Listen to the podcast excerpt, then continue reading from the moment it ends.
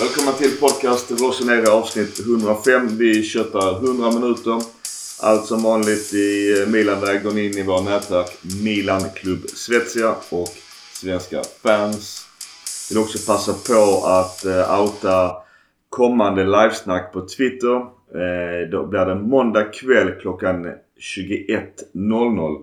Så gå in i vårt Twitterkonto om ni vill vara med och lyssna eller prata. Eh, vill ni prata så är det ju via mobil så det går inte att sitta och fisa på en gammal dator. Vi bjuder in Mackan och direkt efter ett långt avsnitt. Eh, en del transfer såklart. Eh, först kör vi quiz ungefär en 7-8 minuter där vi har bort oss fullständigt.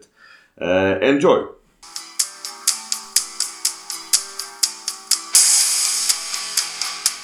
Löser vi. Eh, Mackan, välkommen! Grazie. Gurra, välkommen! Tack så mycket. Eh, vi eh, har många saker att ta upp idag så vi, vi köttar lite. Det är inget socialt bullshit. Ja. Du ska få ljus Gurra. Här Tack. i vår hemmastudio i Lund där budgeten är noll. Så att vi får släcka direkt efter ja precis! Med tanke på elpriserna i Skåne så, så lite ljus igång som möjligt. Mm. Då kör vi igång med dagens quiz. Och som det är nu så leder Micke med 8-6. Way. Och dagens ämne är tröjnummer. Oh, det är jag bra på. Famous last words. Eftersom eh, Micke leder så får han välja om han vill börja. Jag tar bollen. Men punkt eh, sexan är, en sån där eh, med många eh, par- parametrar. Så att det, man får... Vi tar den på volley. Du tar den på volley. Benasser har eh, tröja nummer fyra nu. Mm. Men vem hade det numret säsongen 91-92? Oh. Jag har inte varit ett svin. Det är saker över hela linjen med spelare som ni bör känna till. Ja. Jag det var mycket roligare svar. Jävlar. Det där var... Jag var inte beredd på den. Det var... Tog du på uppstuds. Det var en tung vodka shot. Uh, 91. Shit, det är länge sedan. Det är ju fan Bastenens tid ju. Vem var... Då tar vi backlinjen. Var linje 3. Tassotti hade han 2.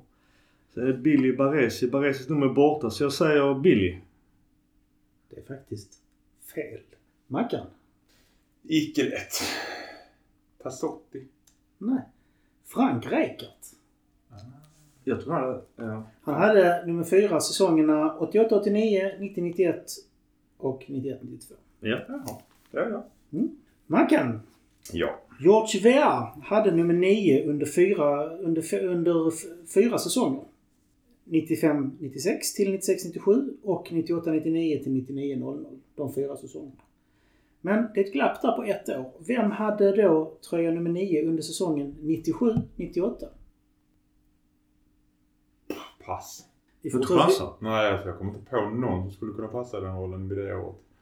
Nummer Bara för 9. att, det är bara för att jag kan inte se laget framför mig i huvudet just nu överhuvudtaget. Så att, Micke? Det är innan Komandini hade ju med Shevchenko det skrällåt när de slog Inter med 6-0. Där hade han 9.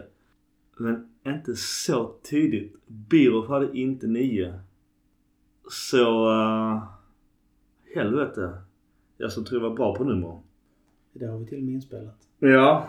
98, 99. Nej, 97, 98. 97, 98. Fan, det var innan man började spela Championship Manager också. Men nej, det gjorde man 95. Nej, jag började 90... Ja, jag måste ha börjat 97, 98. Vad fan, då borde jag kunna det. Får vi be om ett svar. Nej, jag, jag kommer inte på något. Jag säger Simeone. Vi fortsätter på det holländska temat. Patrik Kluivert. Ah, fan, just det. Shit. Micke, nummer 99 har burits av fyra stycken spelare. Nämn tre av dem. Dollar. Fan, hade Casano 99 i Milan? Jag vill ha tre namn och så får du reda på om de tre är rätt. Och sen så om du inte prickar tre av de fyra så Ja, jag säger. Dollar, Casano, riktiga Ronaldo. Alltså jag har ingen aning om vilken som skulle kunna vara den fjärde. Den fjärde som du missar är Sebastian Gamara. Ja, den kunde jag inte. Nej, men annars var det rätt. Ja, tack. Men den hade till och med jag sjungit. Ja. Mackan? Men alltså det stod inte Donnarumma på ryggen. Jo, jag var inne på den också men eh, jag gav Micke den. Ja. Stor Eh. poäng där. Jag funderade på det. Mackan, Divock Origi har nummer 27. Vilka två spelare hade det numret precis innan honom? Maldini. Men innan dess. Pass på kant. Micke, vilka två spelare? Har man tips på hur långt tillbaka det är? No. Nej. Det är ett jävla skräpnummer. Uh, 2 plus 7 blir 9. ah, förvisso. Samarano. 1 plus 8. Ja. Fyra plus fem. Balotelli. Ja. Mm. Why, Ah. why always me? Med västen. Jag säger uh, Serginho. Och Och Junior. det är faktiskt fel. Daniel Maldini hade det säsongen 2021 och eh, 21-22. Och innan dess var det er favorit André Silva! Va? Han hade har spelat i det numret ja. Han hade nio. Han har spelat i 27. Ah, Okej, ja, den hade ingen aning om. Micke. Ingen spelare har haft nummer 67. Men en spelare har haft 68. Vem då? Jag sa innan att jag inte varit ett svin. Nej, okej. Det är du annars. Så att, uh... Ja precis, jag, jag, jag testar en ny sida. Ja, okej. Fair enough. Spännande. Och ingen hint på hur långt tillbaks? Pratar vi efter 2000-talet eller är vi det överlag helt fritt? Det är före eller efter 2000-talet ja. ja, okej. Det är helt fritt. På tal om svin. På tal om svin. Ah, Jag... Kardashian. Nej. Mackan. Nej, jag ser inte det framför mig. Så jag- kan inte säga något. Ricardo Rodriguez. Säsongen 17-18 till 1920. Jaha. Jag minns inte. Ingen aning. På schweiziska vänster. Jo, absolut. Ja, jag vet om han är men jag vet inte att han är... Hade han 68? Jag hade ingen aning om. Mackan. Japp. Och Micke faktiskt. Nu är det som så att nio stycken spelare i Milan har haft nummer 20. En del legendarer och en del um, övrigt. Mm. Ni bör känna till sju av dem i alla fall. Oj! Alltså jag, jag tänkte så. En, två. oj, oj, Så oj. att ni får varannan gissning Jag misstänker det. tills någon... ehm, antingen ni ger upp bägge två eller tills någon då får um, fler rätt än den andra kanske. Ah, ja, den här var Så. Mackan börjar.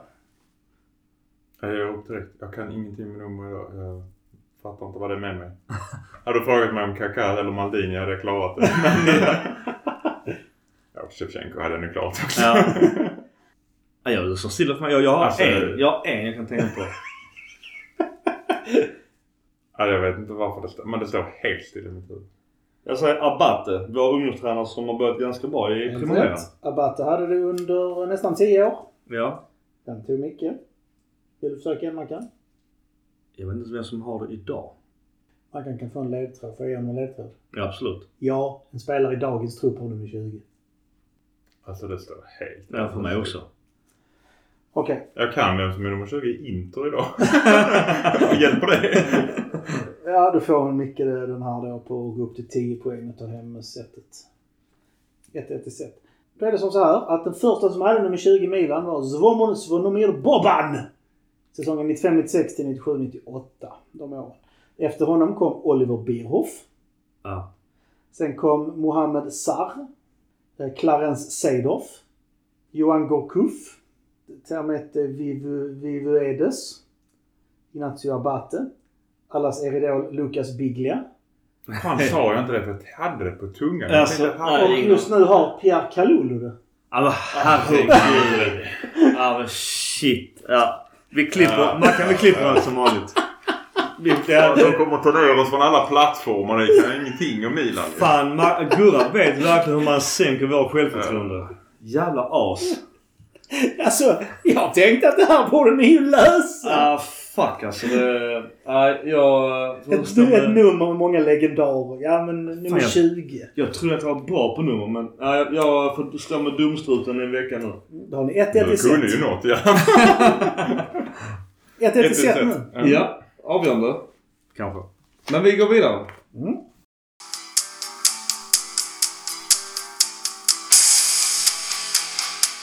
Och då tar vi upp direkt tröja nummer tre. Vi brukar ge betyg eh, och åsikter kring tröjorna. Det här är en eh, grön variant. Gurra, vill du börja? Betyg, åsikter? Ska, ska du inte säga att jag inte gillar tröjor? inte du som inte gillar tröjor Gurra, vill du ha någon åsikt ändå? Eller hur känner du kring den här gröna Alltså tröjan? jag tycker den gröna är snygg. Det är en bra design på tröjan. Men det som sabbar den fullständigt är ju att Milan-märket bara försvinner. Ja. Alltså hade det varit original så hade ju tröjan sett skitsnygg ut framifrån. Sen problemet jag upplevde bakifrån det var att siffrorna bara försvann. Man såg knappt siffrorna på den. Det var ju total kaos i Malmö när de hade en, sin 3D-tröja där med liknande koncept. Återigen Puma som Puma. Men att eh, färgen flyter in i bakgrunden. Det var ju Mm. total kaos. Så att hade, hade det varit tydliga siffror, avvikande färg och tydligt Milan-märke på framsidan och inte något eh, skelett. Så hade det varit en fyra för mig. Nu är den tvåa. Ja, det är hård. Mackan, åsikt, betyg. Jag blev ganska förvånad att det var i grön ton överhuvudtaget. För det ryktades som att gröna tröjor skulle förbjudas. Ja, att det just det. i, i gräset och i... För mycket i... Det var inte bra på TV helt enkelt. Nej.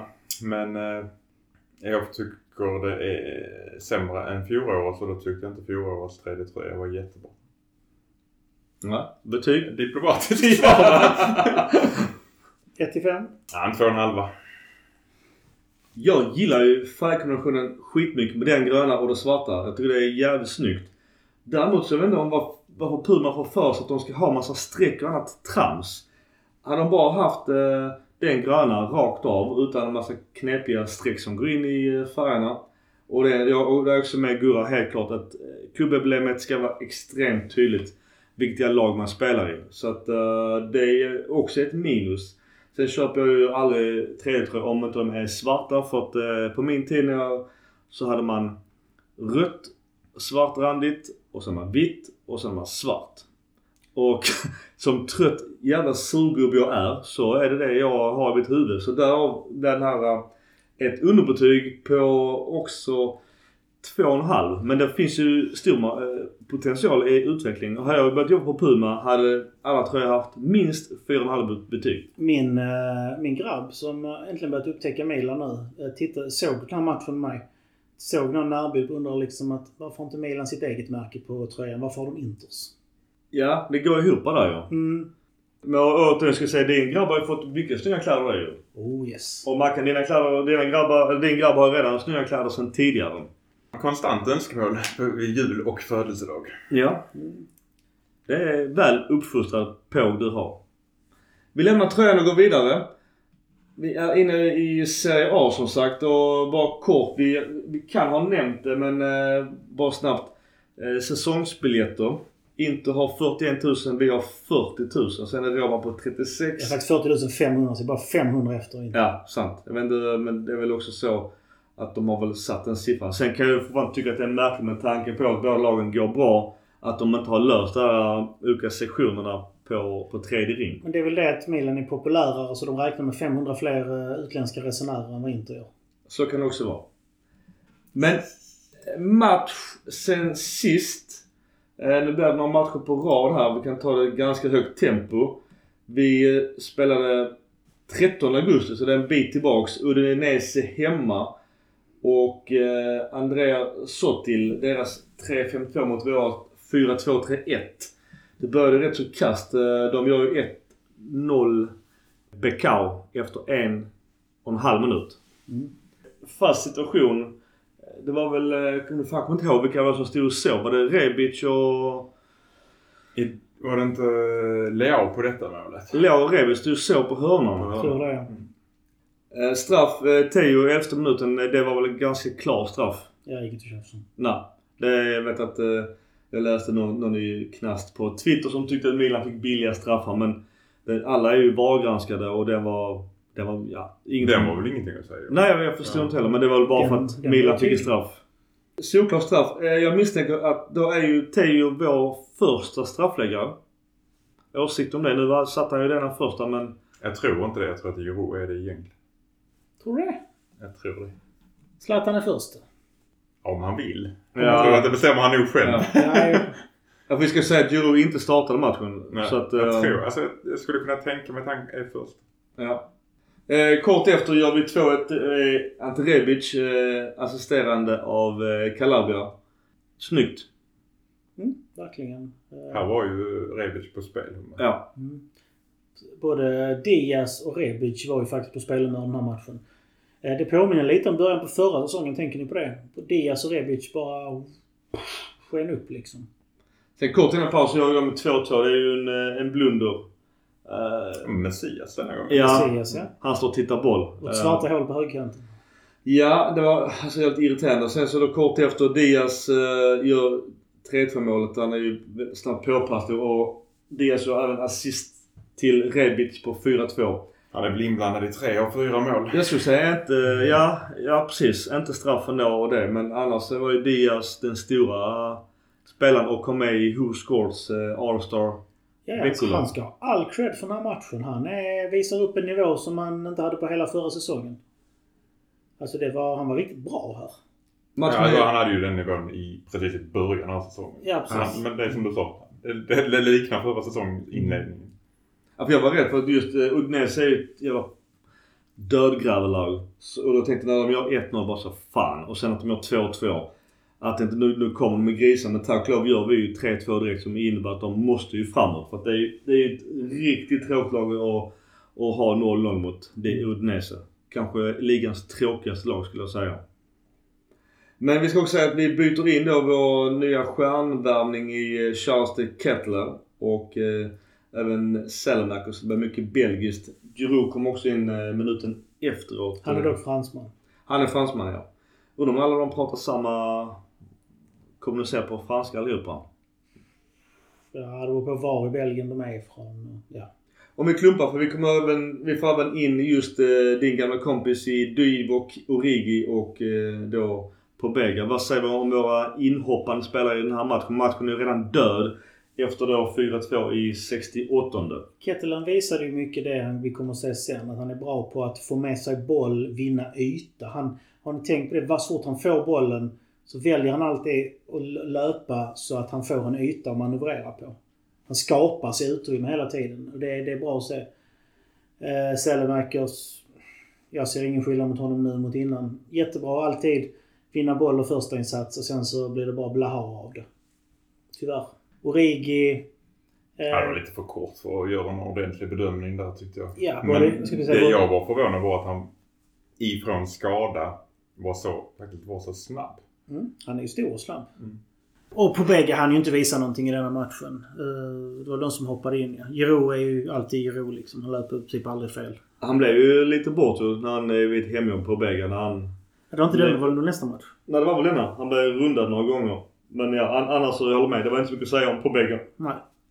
Mackan, vad säger du annars om matchen överlag och inhopparna? Alltså jag var väl också inne på det du alltså, Man är lite rädd att grisa sig till det när det står lika. Jättebra var Diaz i denna matchen. Men om man jämför Ketteler och Diaz så känns det bara spontant efter de här matcherna att han är mycket bättre på att hitta en offensiv passning direkt. Medan Diaz ofta springer in i en vägg av tre försvarare och då är det för sent. Då ska han dribbla sig igenom dem och så tappar han bollen. Eller blir fälld.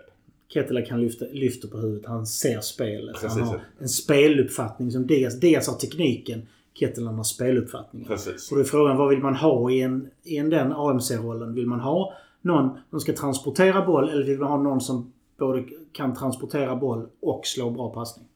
Och Kettler har teknik också. Ja. Alltså jag, sa, han- nej. jag sa inte att han är Nej, oteknisk. Nej, nej, absolut inte. Mm. Men han har ju båda delar tycker jag. Och det vi har sett av Diaz här och flera matcher stärker ju bara tesen vi har pratat om innan. Släng ut honom på högerkanten. För den kan ju inte direkt bli sämre. Nej. Diaz är ju en futsalspelare. Jag tror att han har varit världsmästare i futsal. Däremot just eh, till CDK då. Är han för enbent? Eller? Nej.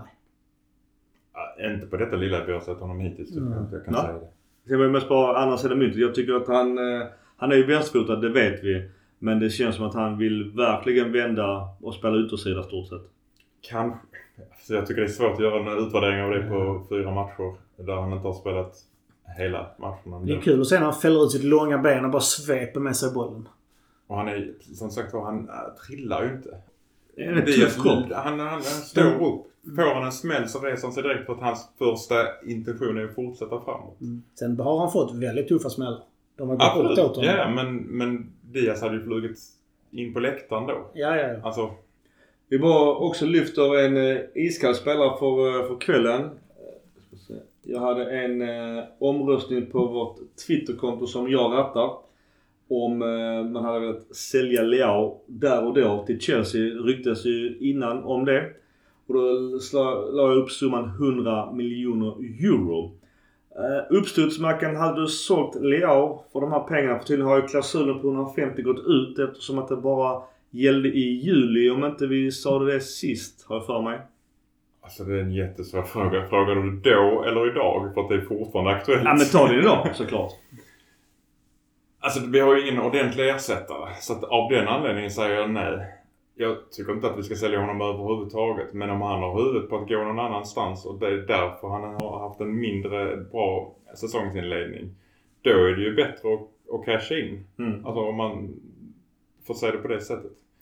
Jag tycker inte vi ska sälja honom. Men där finns ju lite spöken med ekonomin just på grund av att han är skyldig att betala tillbaka pengar till, till Portugal.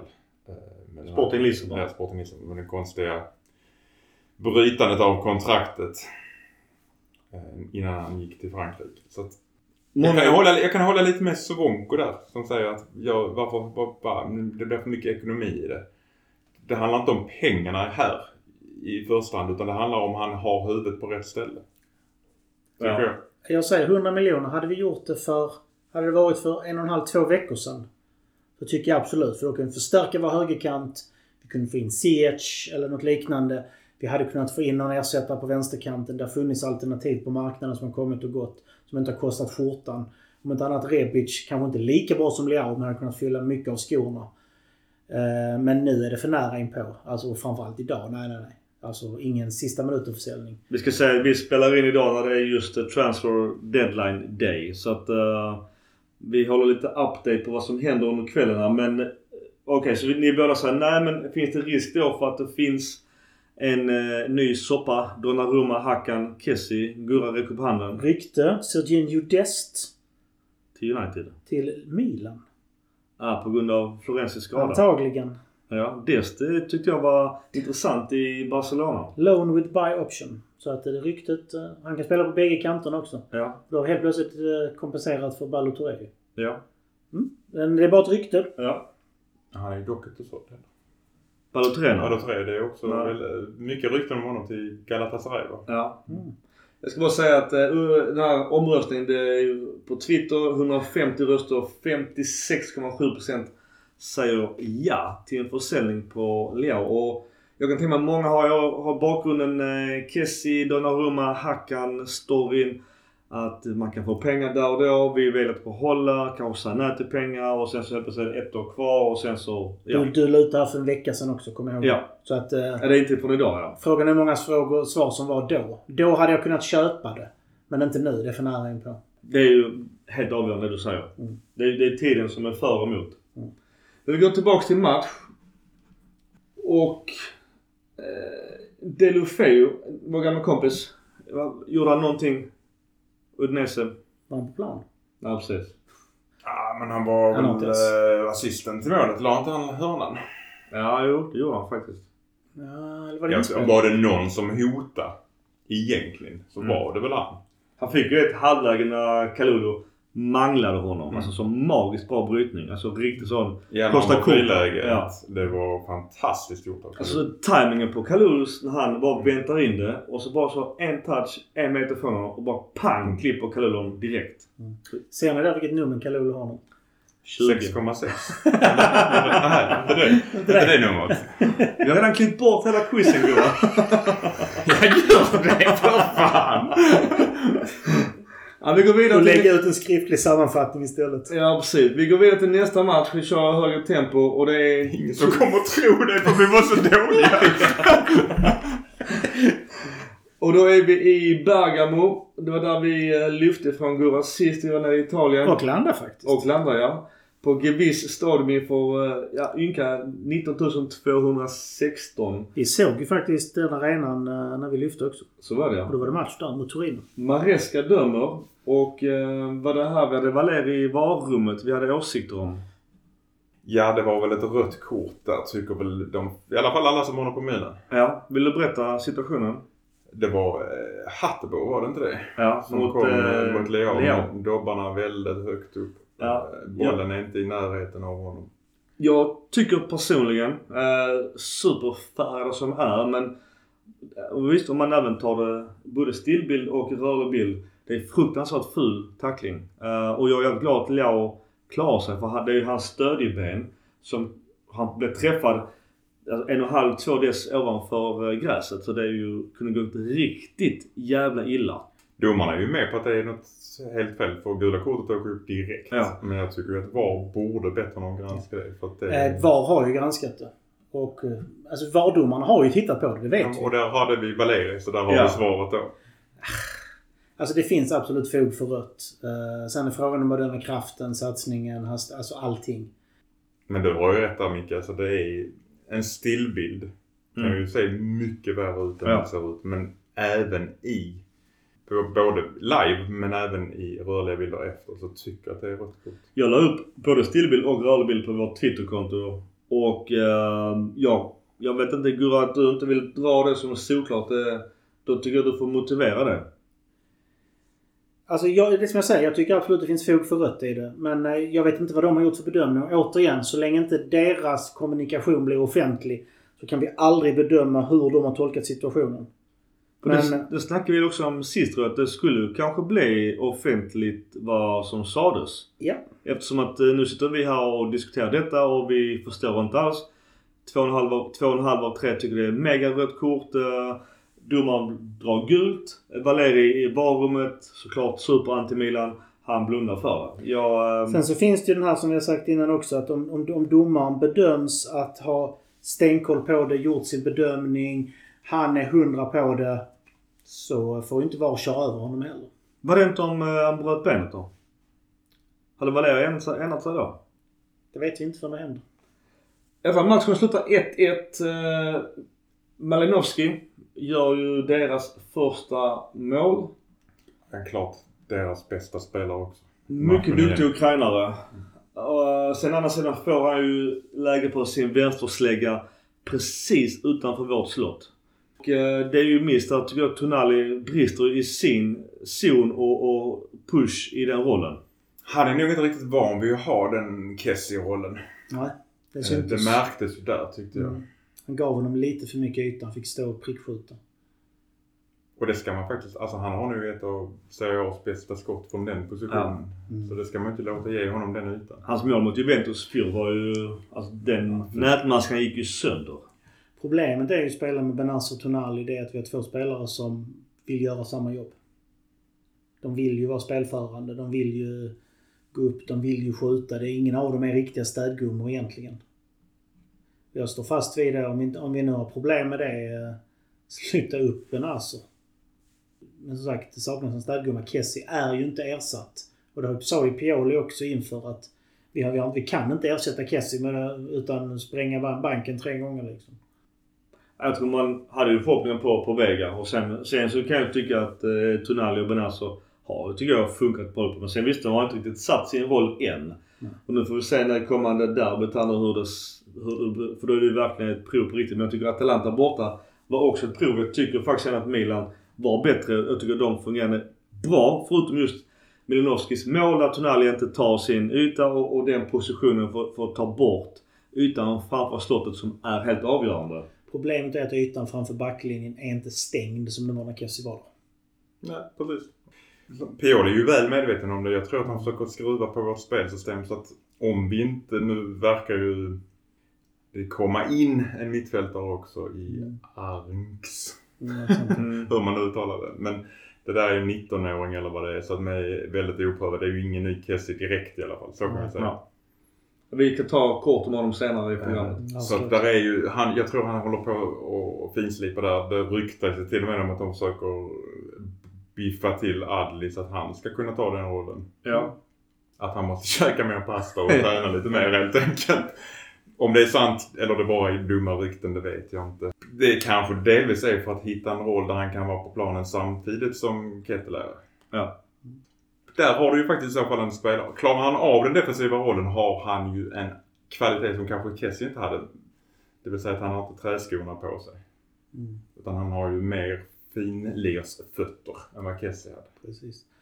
Men det vi verkligen ser i den här matchen, nu blir ju Diaz, den var ju tillbaka på normal nivå. Mm. Men det, här, har du, här har du ett fysiskt lag Mm. som vet hur de ska stoppa en sån spelare. Mm. Då tycker jag fortfarande att han bör vara på bänken och komma in som en frisk fläkt när de är trötta i 75 Exakt, men jag tror han var för bra i första matchen för att, för att bli bänkad till match två. Ja, det är helt omöjligt att bänka honom. Han Ja, vad är alternativet där? Ja. Jag, som då inte har några känslor hade ju bänkat honom till match två, men eh, det är svårt för många, det vet jag. Ja, nej, jag, jag kan förstå hur ni båda tänker kring det men... Eh, ja, nu, nu, nu startade och det gick ju inte bra. Eh, Kettler kom in tillsammans med även Selmakers, Florenzi och Giroud. Selmakers gör faktiskt vår målpass till uh, Benazzo som gör ett jävligt snyggt mål. Viker in den, stolpe in. Det var, det var en pass på typ två meter nere vid sidan. Han får ändå poäng. Ja, ja, ja, ja, ja. Alltså all respekt till Ja, det är mest för att jag har klagat på Selmakers att, att han gör för lite poäng. Så nu fick han en väldigt billig gratispoäng. Så det får vi lyfta. Men sen Mm. Det är så... som avkastet på handboll när någon går upp och skjuter mål. Ja men lite så Det är ja. också ass. Ja. Annars tycker jag att eh, alltså 1-1, alltså det, det känns ju ändå att vi är på den nivån att jag blev i alla fall besviken att vi inte tog alla tre poängen. Vilket jag tycker säger en hel del om, om dagens Milan. Jag tror dock att Milan själva var ändå ganska nöjda med 1-1 i Bergamo. Som sagt, vi, sa- vi har ju ingen högerkant och det är så jäkla tydligt.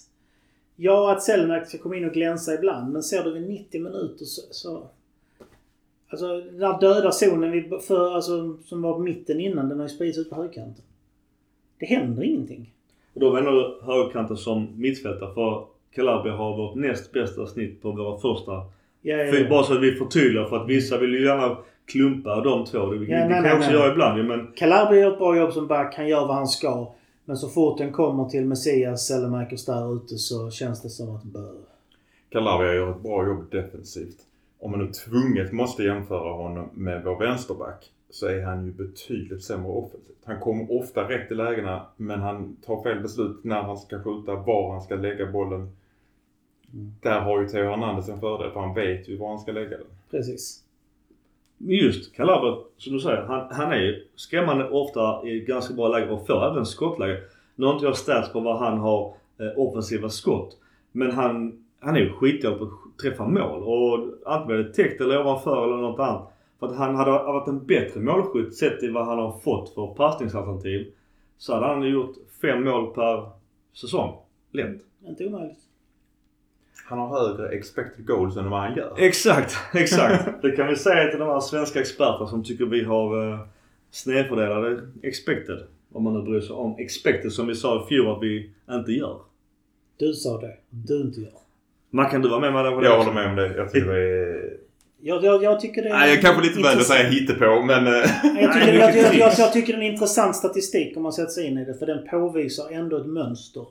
Ja men det som jag sa också när jag pratade med då eh, Studiorit-Ola, den nya varianten som är jävligt duktig och kunnig och allt vidare.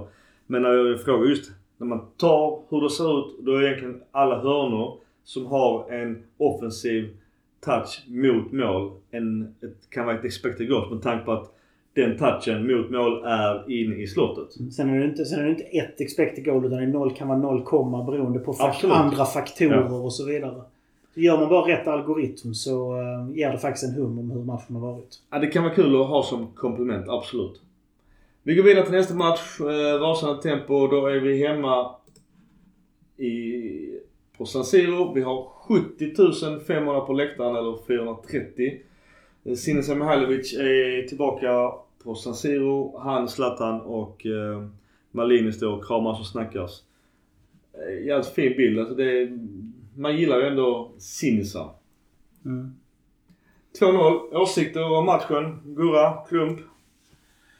Jag har sagt på tusen gånger innan, en dag på jobbet. Kul att se Kettelen. Att han faktiskt tar för sig. Eh, Det är väl han som assisterar till Leao där ja. Han visar att han kan vinna ytor även med boll och slå rätt passningar. Det var ju inte det enda läget han hade. På Bega när han kom in, en klar förbättring mot innan. Han tog rätt ytor, han gjorde rätt löpningar. Sen tror jag det är här han hamnar fel, är det inte det? I den här hemåtlöpningen. Nej, jag tror inte... Jag tror det var Ja, det förra. var nog förra? Ja, var okej. Men det spelar ingen roll. Ja, men i alla fall. Jag tycker det, det går åt rätt håll och det, är- det är skönt att se. Han är ingen dominant spelare än. Han är ingen som kommer att utmärka sig men han gör ju framförallt sitt jobb i defensiven. Eh, Ballo när han kom in, åh herregud stackare. Det märks att han var så machovan att man inte visste vad. Men var han så dålig? Han fick ju inte iväg boll. Han, han vandrar ju längre och längre ner mot egen hörnflagga. Jag ju inte han var i, gjorde sin offensiva räder ändå. Jo, jo, men alltså bollhanteringen han kom in. Alltså, det var som sagt, jag tyckte lite synd om honom. Ja. Mackan åsikter? 2-0 hemma. Väl kontrollerad match av Milan. Uh, tycker eh, det är precis så ett, ett uh, topplag gör. De vinner de här matcherna utan att förta sig. Eh, jag tycker precis som uh, Gora var inne på, Ketelares framspelningar är precis vad vi har saknat på den positionen. Kalulu borde gjort ett mål. Just assisten då på Katla, eller borde varit. Det, ja, det var en fantastiskt bra passning och ser han är så arg i Ruble. ja. Han sparkar ju sönder målet i princip. Han hade serverat honom Ja. fullständigt. Det varit så riktigt. Jag vet vad- vilken, vilken årgång var den här hockey, ishockey? När svenskarna gjorde klapp-klapp eh, mot eh, Sovjet. Oj, ja, ja, ja. Du vet hur 87. det- VM 87. Alltså det, var, det hade varit ett, typ ett sånt mål. Det hade varit så jävla snyggt. Thomas Sandström lägger in den i öppen Alltså jävla snyggt. Leaos mål i denna matchen är ju lite turligt. Varför lägger han bollen i det hörnet? Ja, det känns som en felträff. Ja, Jag trodde först backen var på det, men när jag ser reprisen så är han inte det. nej, så att jag... det och han, men det, den skottfinten som får målvakten att lägga sig och sen lägger för sig, den är ju Det är perfekt. gudomlig. Ja, den är ju perfekt. Men just själva avslutet. Jag vet inte om ni hade samma problem som jag, men där där försvann bild. Nej. Eh, Det är därför jag frågade i chatten, fick- var backen på den eller liksom? Vi ska nu säga just Skurupke Skorupke som, som står alltid i Bologna. Han eh, brukar ju vara annars en demon mot oss. Idag var han ju, eller den här matchen var ju fortfarande bäst på plan. Men han var ju inte demonen så att det var ju ganska bekväm match. Jag är inne på din linje Mackan att efter 60 minuter så är matchen död. Egentligen kanske innan men, men, eh, men resultatmässigt. Och sen vi byter ut fem spelare och byter in Adli, Pobega, Selemakers, Baloturé och Gabia. Alltså det är sån jävla mästarklassnivå. Bara så. Vi luftar fem spelare som är backup. Och de får, ja nu får ju inte alla en halvtimme men de får ju minuter för att de är varma kläder. Jag tycker det är, det är sån här matchen jag vill se. Och där ser vi verkligen att Pioli har växt. Första säsongen så tog han inte de här besluten. alltså här har han förlåt att jag avbryter, men här har han dessutom nödd och tvungen, som det står på brasklappen, för att vi har så jäkla mycket matcher framöver. Ja, exakt. Han, jag tror inte han har något val, för Tomorrow kan inte spela match var tredje dag. Nej. Nej, det är det det kan ingen. Nej, det är pissväg möjligtvis kan det. Det är inget VM. Mm. Men inte i övrigt, nej. Nej. Så att eh, jag tycker också det är bra och jag tycker då det är ännu bättre att vi lyckas döda matchen på 60 minuter. Ja. För vi har full kontroll på den. Om vi måste, alltså nu visst Leao får bollen väldigt enkelt vid 2-0 målet men framspelningen och avslutet är ju toppklass. Leo gör ju både mål och assist i den matchen. Så här hade nog inte många velat sälja honom för just 100 miljoner euro. 130. ja. Nej. Alla har ett pris. sagt som säger. jag, jag tycker inte att vi behöver sälja honom, det är inte det. Men jag är mer orolig. Vad vill han? Ja. Nej men vet håller han på med rap-grejer och det börjar locka stora pengar i London och PSG och sånt här? Lönerna i London är ju betydligt bättre än vad Milan kan erbjuda. Även om vi spränger vårt lönetak. Ja. För det är lite det som krävs. Det är ju snack om att Milan det, 3,5-4 någonstans och han vill ha minst 7. Och då tror jag Chelsea kan erbjuda 9. 9. Något mer annars om eh, Bologna hemma? Kettelen visar att han är den bästa AMC'n vi har. Med råge. Eh, Så att nej, det är... Fram till och med denna matchen är det ju faktiskt ganska nämnvärt att Adli inte har fått chansen. Nej. Överhuvudtaget. Inte ens inhopp. Han springer ändå på rätt stora ytor nu. Han kom in redan i den 62 minuten. Eh, 61, 62. Så han fick i alla fall en, en, halvtimme på sig visar sig. Jag, jag, eh, Känns ju här som att både ser både Benazir och Adli som den mer offensiva av våra sittande mittfältare. Mm. Och att Tonali ska försöka ta Kessie-rollen. Om vi går vidare på Adli kan vi ta i nästa match. Frågan är om det är Kessie-rollen eller en playmaker-roll längre bak. En klassisk regista. Precis. Jag tror att i långa loppet så tror jag nog att registerrollen är rätt för Tonali. Eh, Sassuolo borta. Vi var ju kort inne på Adli. Han kom också in eh, i slutet på den här matchen. Det står fortfarande 0. Det blev 0 och stod 0 då. Det känns som att han jobbar stora ytor. Eh, jag förstår att han vill visa upp sig men jag tror att Pioli och han själv nu får ha liksom någon form av definition på vad vi ska göra med honom. För att annars kommer han ju bli kanske en sämre variant av Crunch som stoppas in lite här och där och gör, gör det bästa av det. Och då är ju faktiskt Crunch en spelare som är före. Nu är han ju skadad men han kommer ju alltid vara före i alla fall i Piolis bok. Han kommer att få sina matcher. Nu sagt, nu är det match var tredje dag. Alltså det finns inget att ge på. Adli kommer att spela mycket. Ja, jag är inte övertygad om att det bytet hade skett på det sättet om vi hade haft fler offensiva spelare friska. För visst, helt rätt att ta ut Giroud, som dessutom var lite blek för dagen. Mm. Vi hade ingen annan anfallare att sätta in.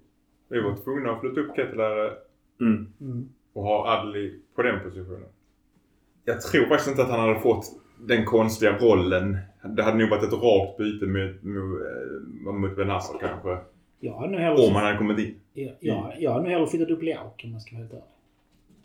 Ja för Lauk kommer inte alls rätt på sin vänsterkant. Nej, sätt upp honom på topp istället och bara plöj löp eh, djupleden med Kettelen bakom som passar.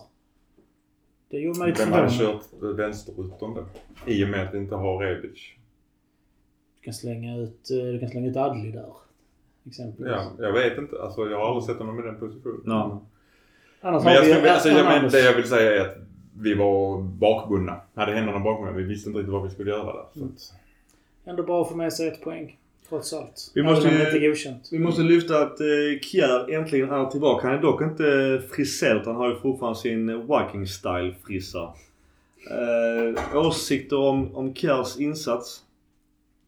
Habil. jag tycker han var väldigt... Ja, inga eh, konstigheter. Inga konstigheter. Han utmärkte sig inte negativt och det är ju det man märker på en mittback. Ja. Han var ju trött såklart och blev utbytt i 80 och då kommer ju Kalou in. Var kort om eh, Kalous eh, transferhistoria. Ja men man tänker på det med Kjär också. Han slår inte de här långa... Men när vi tar Kalou då först. Så du hoppar där. Du hoppade. Vi höll, nej, vi höll på att prata om Kjär och så Nej. bara lämnade du för att prata Kalun. Nej, för jag sa han blev utbytt. Eller inbytt för Kalulu. Eh, Kalulus eh, transfer. Eh, för ett år sedan har han gått från 500k till värde då på 28 miljoner euro. Men tillbaks till Kjär. Vad vill du säga om honom Gurra? Jo, vi såg ju det också igår att de här bollarna, alltså långa bollarna som kännetecknar mycket av hans spel innan han blev skadad. Gjorde han inte igår och det var nog för att spara kroppen lite. Jag tyckte han gjorde många Men långbollar. inte, inte som det var innan. Innan var det ju de här långa skärarna. Tyckte han kom igång i andra. Ja, det var lite Där, bättre I första gjorde han inte många, det håller jag med. Men i andra fick han fart på det. Men Det sjuka är just hans långbollar. Jag tycker han har sjuk precision. Mm, det är all, nästan alltid på foten. Tänk, alltså, tänk om han, ja, 10 år yngre och gått upp och spelat en, en, en pillerroll. Han kan ju fördela bollar hur som helst. Berardi stackaren gick sönder också. Brad, ja, stackaren gör ju både straffmiss och blir skadad. Jag snackar om... Var det knät va? Jag vet inte, det var ju en knepig baksidan tackling. lår vet Ja, jag baksidan som, lår Men också. jag, Men det också sån grej åt den, jag förstår regelverket att man ska hålla nere flaggan. Han hamnar i en duell med Teo. Teo springer fatt honom. Det som jag sa. Visst, de var då offside, tack och lov. Men vad fan händer annars där för Teos tackling? Visst. Den är, den är i ryggen. Den är ju jävligt tveksam. Det kan ju vara frilägesrött och jag vet inte om det till och med innanför straffområdet ju. Men han blev ju skadad där ju så att det är ju... Får han... Är det inne i straffområdet eh, så är det ju bara gult och eh, straff numera. Men Mike, superräddning, eller? Dålig straff? det är inte en jättebra straff, men Berardi räknar ju med att han ska slänga sig så han försöker få den i mitten. Ja. Och då har Mike sin hand där. Ja. Så jag tycker faktiskt det är en bra räddning. En väldigt bra räddning. Men det vi kan säga där i den situationen det är ju jäkligt orutinerat av Hernandez att sätta den i ryggen på honom i det läget. Ja, alltså det är jättedumt. Mm. Alltså vi måste bara ta upp också här i Sassuolo Fratesi. Han har varit ett kort rykte just till eh, Milan och vårt mittfält. Eh, han tyckte jag var direkt dålig bara. Jag ser inte alls att han är Milan-material. Igår hade han nog kollapsat för jag tyckte inte någon i Milan var bra igår. Faktiskt. Jag tycker inte det, Jag kan inte säga någon. Alltså, Cher gjorde sitt jobb. Mike var bra. Ja. Men Mike var egentligen bara bra på straffen för han hade inte så hemskt mycket annat att göra. Alltså, jag kan säga att ingen, jag tyckte inte någon var bra. Det var få som var, dy- var dåliga också. Sädemakers eh, straff. Han orsakade ju straffen. Det var ju inte bra. Alltså, det, det, var, det, var det var dåligt. Det var inte- dåligt. Det var Men. Florencio var lika dålig i det läget också. Alltså Selmax först klipper honom och viftar på att inte han rör honom. Det- Och bara så, det finns ju videogranskning, idiot. Mm. Men Florenzi gör ju precis samma sak. Så han har ju klippt två gånger så straffen är ju mega klar. Mm. Men jag, det som, som oroar mig i denna matchen är att vi faktiskt inte har något offensivt. Ja, vi gör ju 11 skott mot mål men det, det känns ju tunt. Och här är det ju märkligt att om, man, nu- om det inte var för att vila inför derbyt, att vi gör de här bytena. Vi har ingen Tonali, vi har ingen Kettelön på plan. Och jag menar bägge de två är ju stora offensiva krafter. De kommer in i 57 men... Eh, för jag menar så bra som Kettelö var innan nu och då så får Diaz spela från starten då. Den förstod inte jag riktigt. Måste ju ha, vara, tanken måste ju vara att vila inför derbyt. För Sassuolo är inget dåligt lag men de har tappat tongivande spelare inför säsongen. Mm. Så att jag tror att det är så vi, Pioli har tänkt. I och med alla skadorna dessutom Mm. på den offensiva delen. Har du koll- på hur Skamak har gått i, i Hammers? Helt okej. Han börjar komma in i spelet. Han har gjort, vad är det, två mål? Ingen aning. Jag, Jag tror han har gjort två mål. Det Eh, kommer bli hur bra som helst med Pa- Paqueta. Ja, spännande. Den kombinationen kommer bli intressant. Men eh, han, är, han har ju storleken, han är ju tuff. Eh, han tar ju för sig så att han ska bara hitta tempot sen är han inne i det. Ja. Ja det gäller ju bara för dem att ha tålamod med honom. Det, det, han kommer bli hur bra som helst. Jag säger det, det var en värvning vi skulle gjort. Det hade varit så jäkla gott att ha. Ja, vi hade ju inte pengar verkar som med tanke på att vi stod mellan just ägarbyte och vi kan komma till det sen. Men annars så 0-0. Ganska tråkig match. Eh, Vi äger liksom 63% boll. Vi utnyttjar inte mycket av det. Vi har återigen en eh, åtta hörnor. Ofarliga. Tyvärr alla. Mm. Jag tycker inte att vi gör eh, jobbet. Jag vet inte återigen om man kan skylla på att det är derby redan på lördag mot, mot kusinen, lillebroren, Inter, om man nu vill benämna dem. Att man i det här tuffa matcherna att man eh, har fokus på prioriteringsmatcher. Men det är ju farligt att ha det ju. Alltså tre poäng här är värt lika mycket som tre poäng mot Inter på sätt och vis. Även om man kan säga att Inter bara är en sexpoängsmatch. Ja. Men Utan Mm. La, La, eh, Lukaku eventuellt. troligen utan Lukaku ja. Den, den tar vi ju gärna i så fall. Jo tack. Och vi har inte Zlatan heller så att det blir... ja. Det blir en lugn match helt enkelt. Kanske det. Men, Dumfries och Hernandez är kvar så vi behöver inte oroa oss. Ja precis. Det blir ju spännande. Vi lämnar Sassuolo och våra matcher.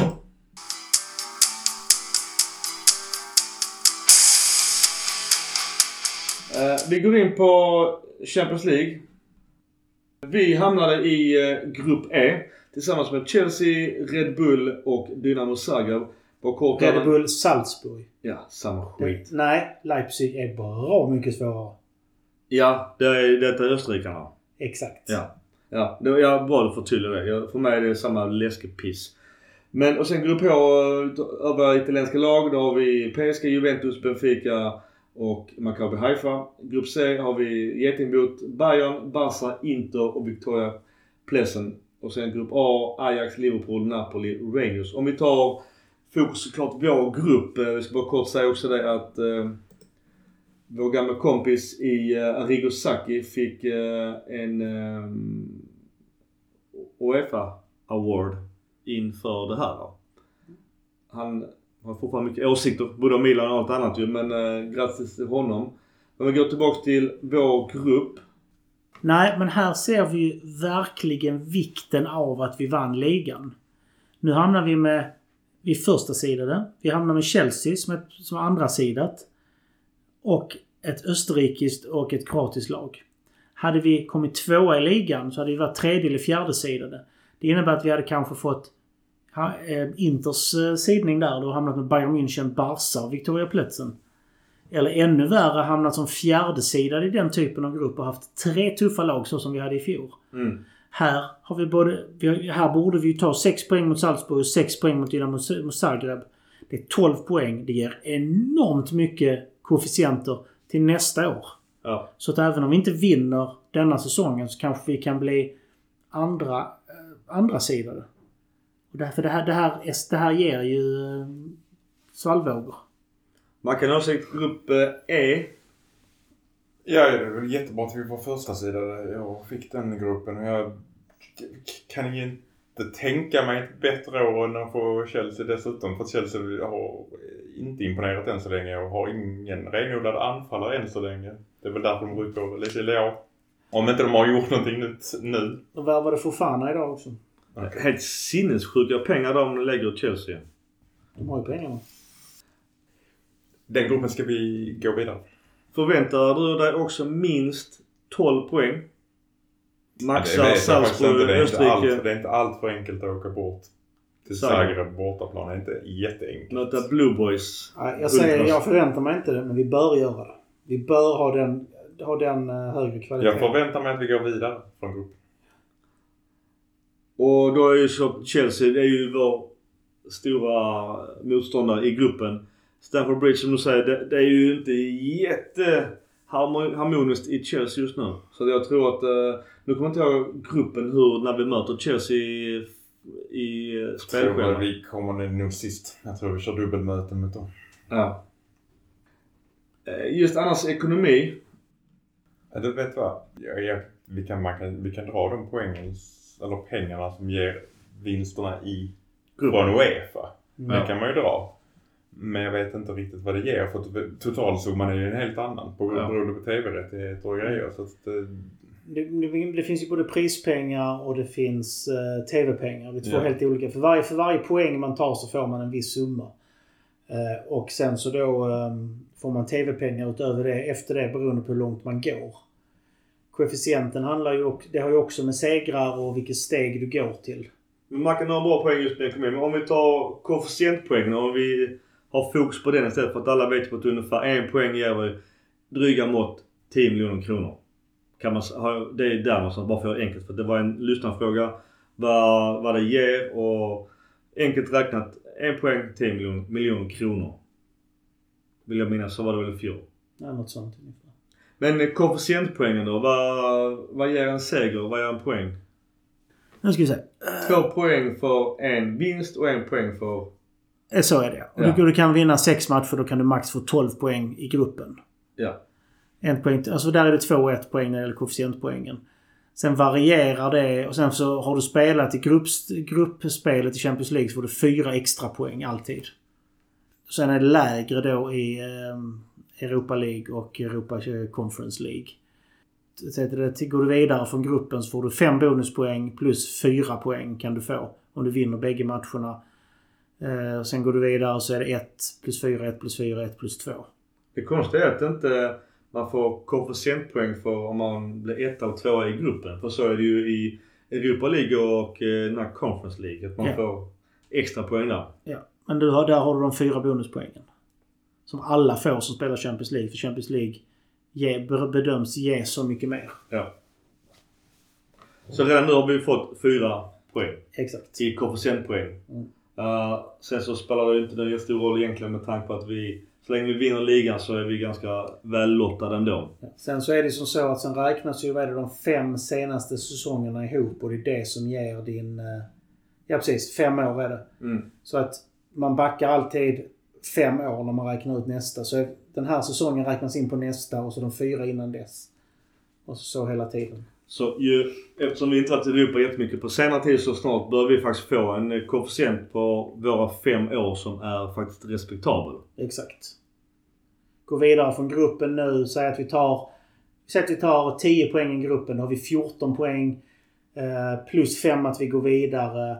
Bara där har vi 19 i koefficientpoäng.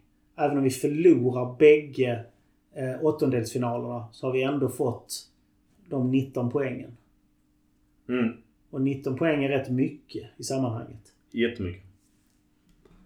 Är det någon form av historisk också?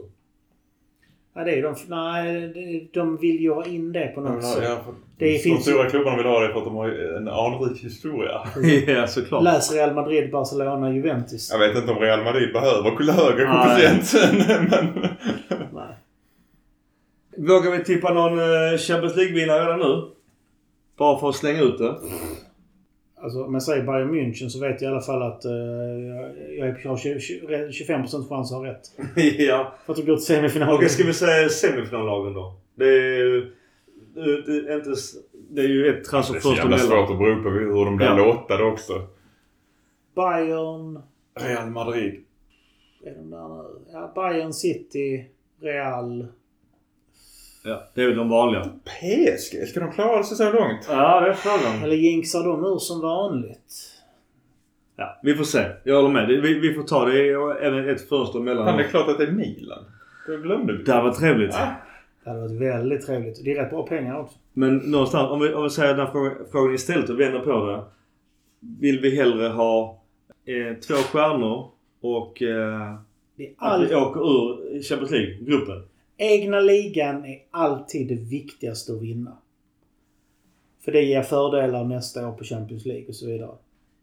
Egna ligan är viktigast att vinna om man spelar Premier League. För då tjänar du mer pengar Ja, ja. än om du vinner Champions League troligtvis. Det sjuka är ju när vissa lag i Europa League och annat från England att de bara vaskar det för att det, det är inte lönt och jämfört med, med pengarna. Ekonomiskt med. Ja. Är det inte lönt. Det är sinnessjukt. Men eh, alltså, eh, jag ser hellre att Milan vinner ligan varje år och åker ut i gruppen varje år i Champions League. Ja. Än att vi, det är någon varannan lösning liksom.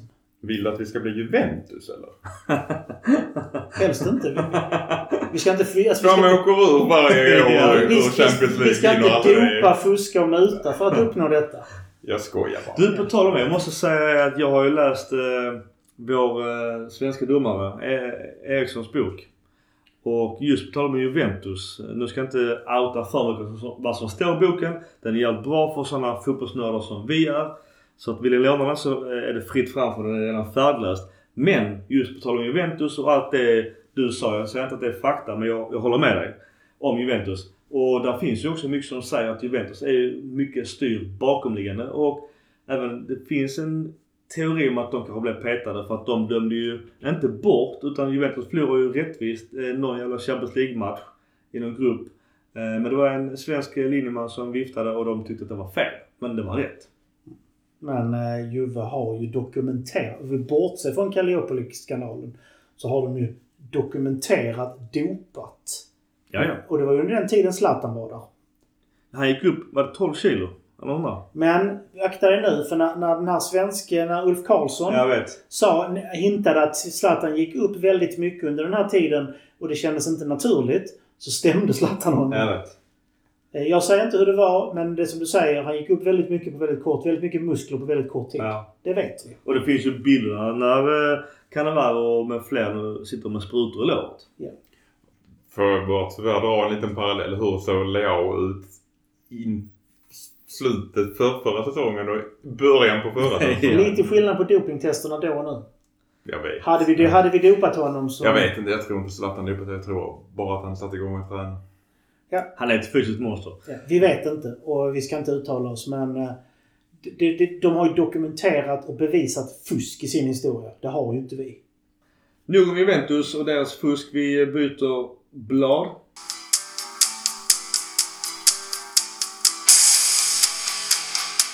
Kom en fråga från, från mig faktiskt. Det var en egen tittarfråga. Det var vad fan händer med Leonardo Paris? Han är arbetslös.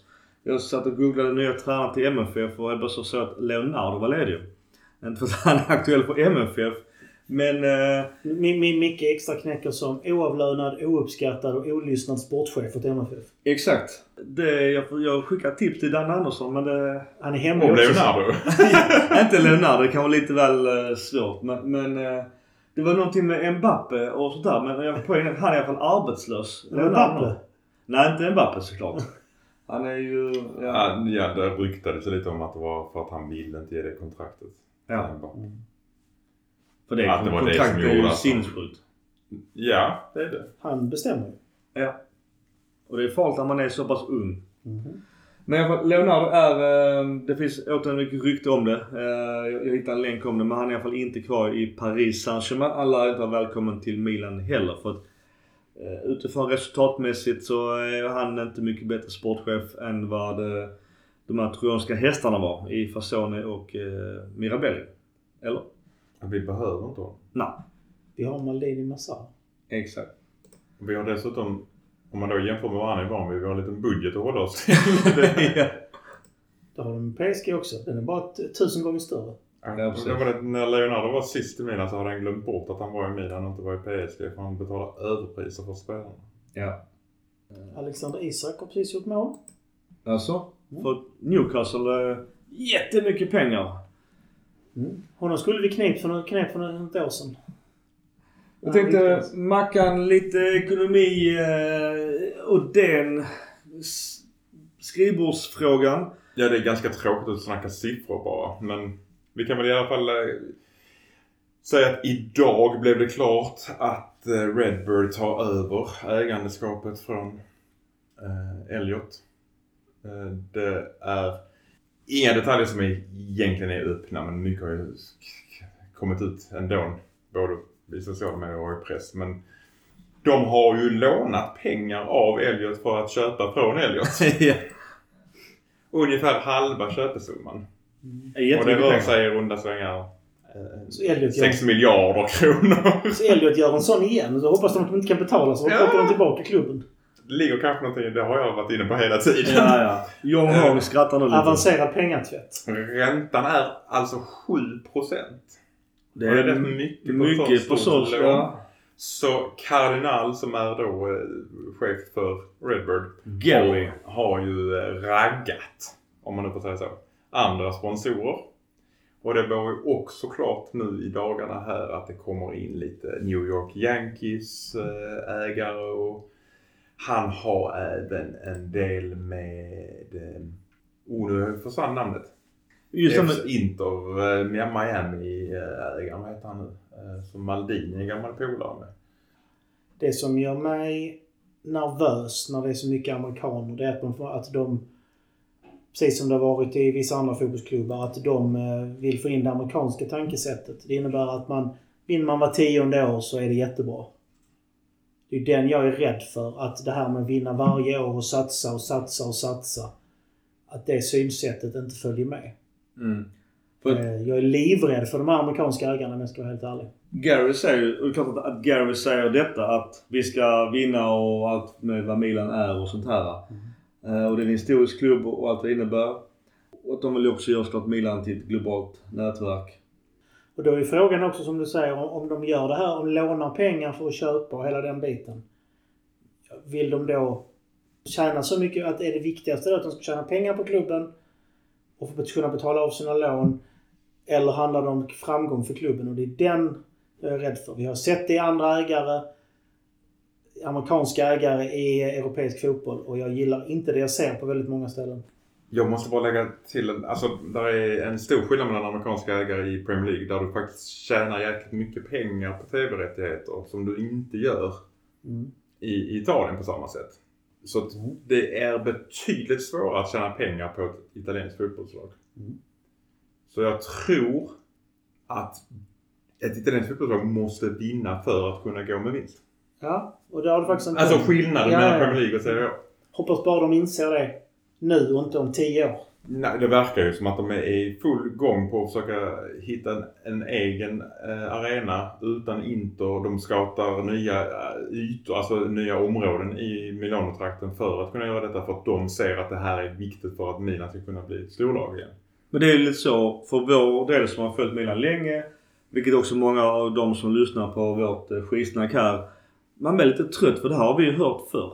Man letar mark, man försöker lösa en arena, man försöker göra det med Inter. Barbara skulle göra si, Berlusconi skulle göra så. Och det, vet, man har hört det så många gånger förr så att snart börjar jag någonstans undra, om jag älskar San Siro. Den kommer inte heller renoveras för den är så jävla sliten.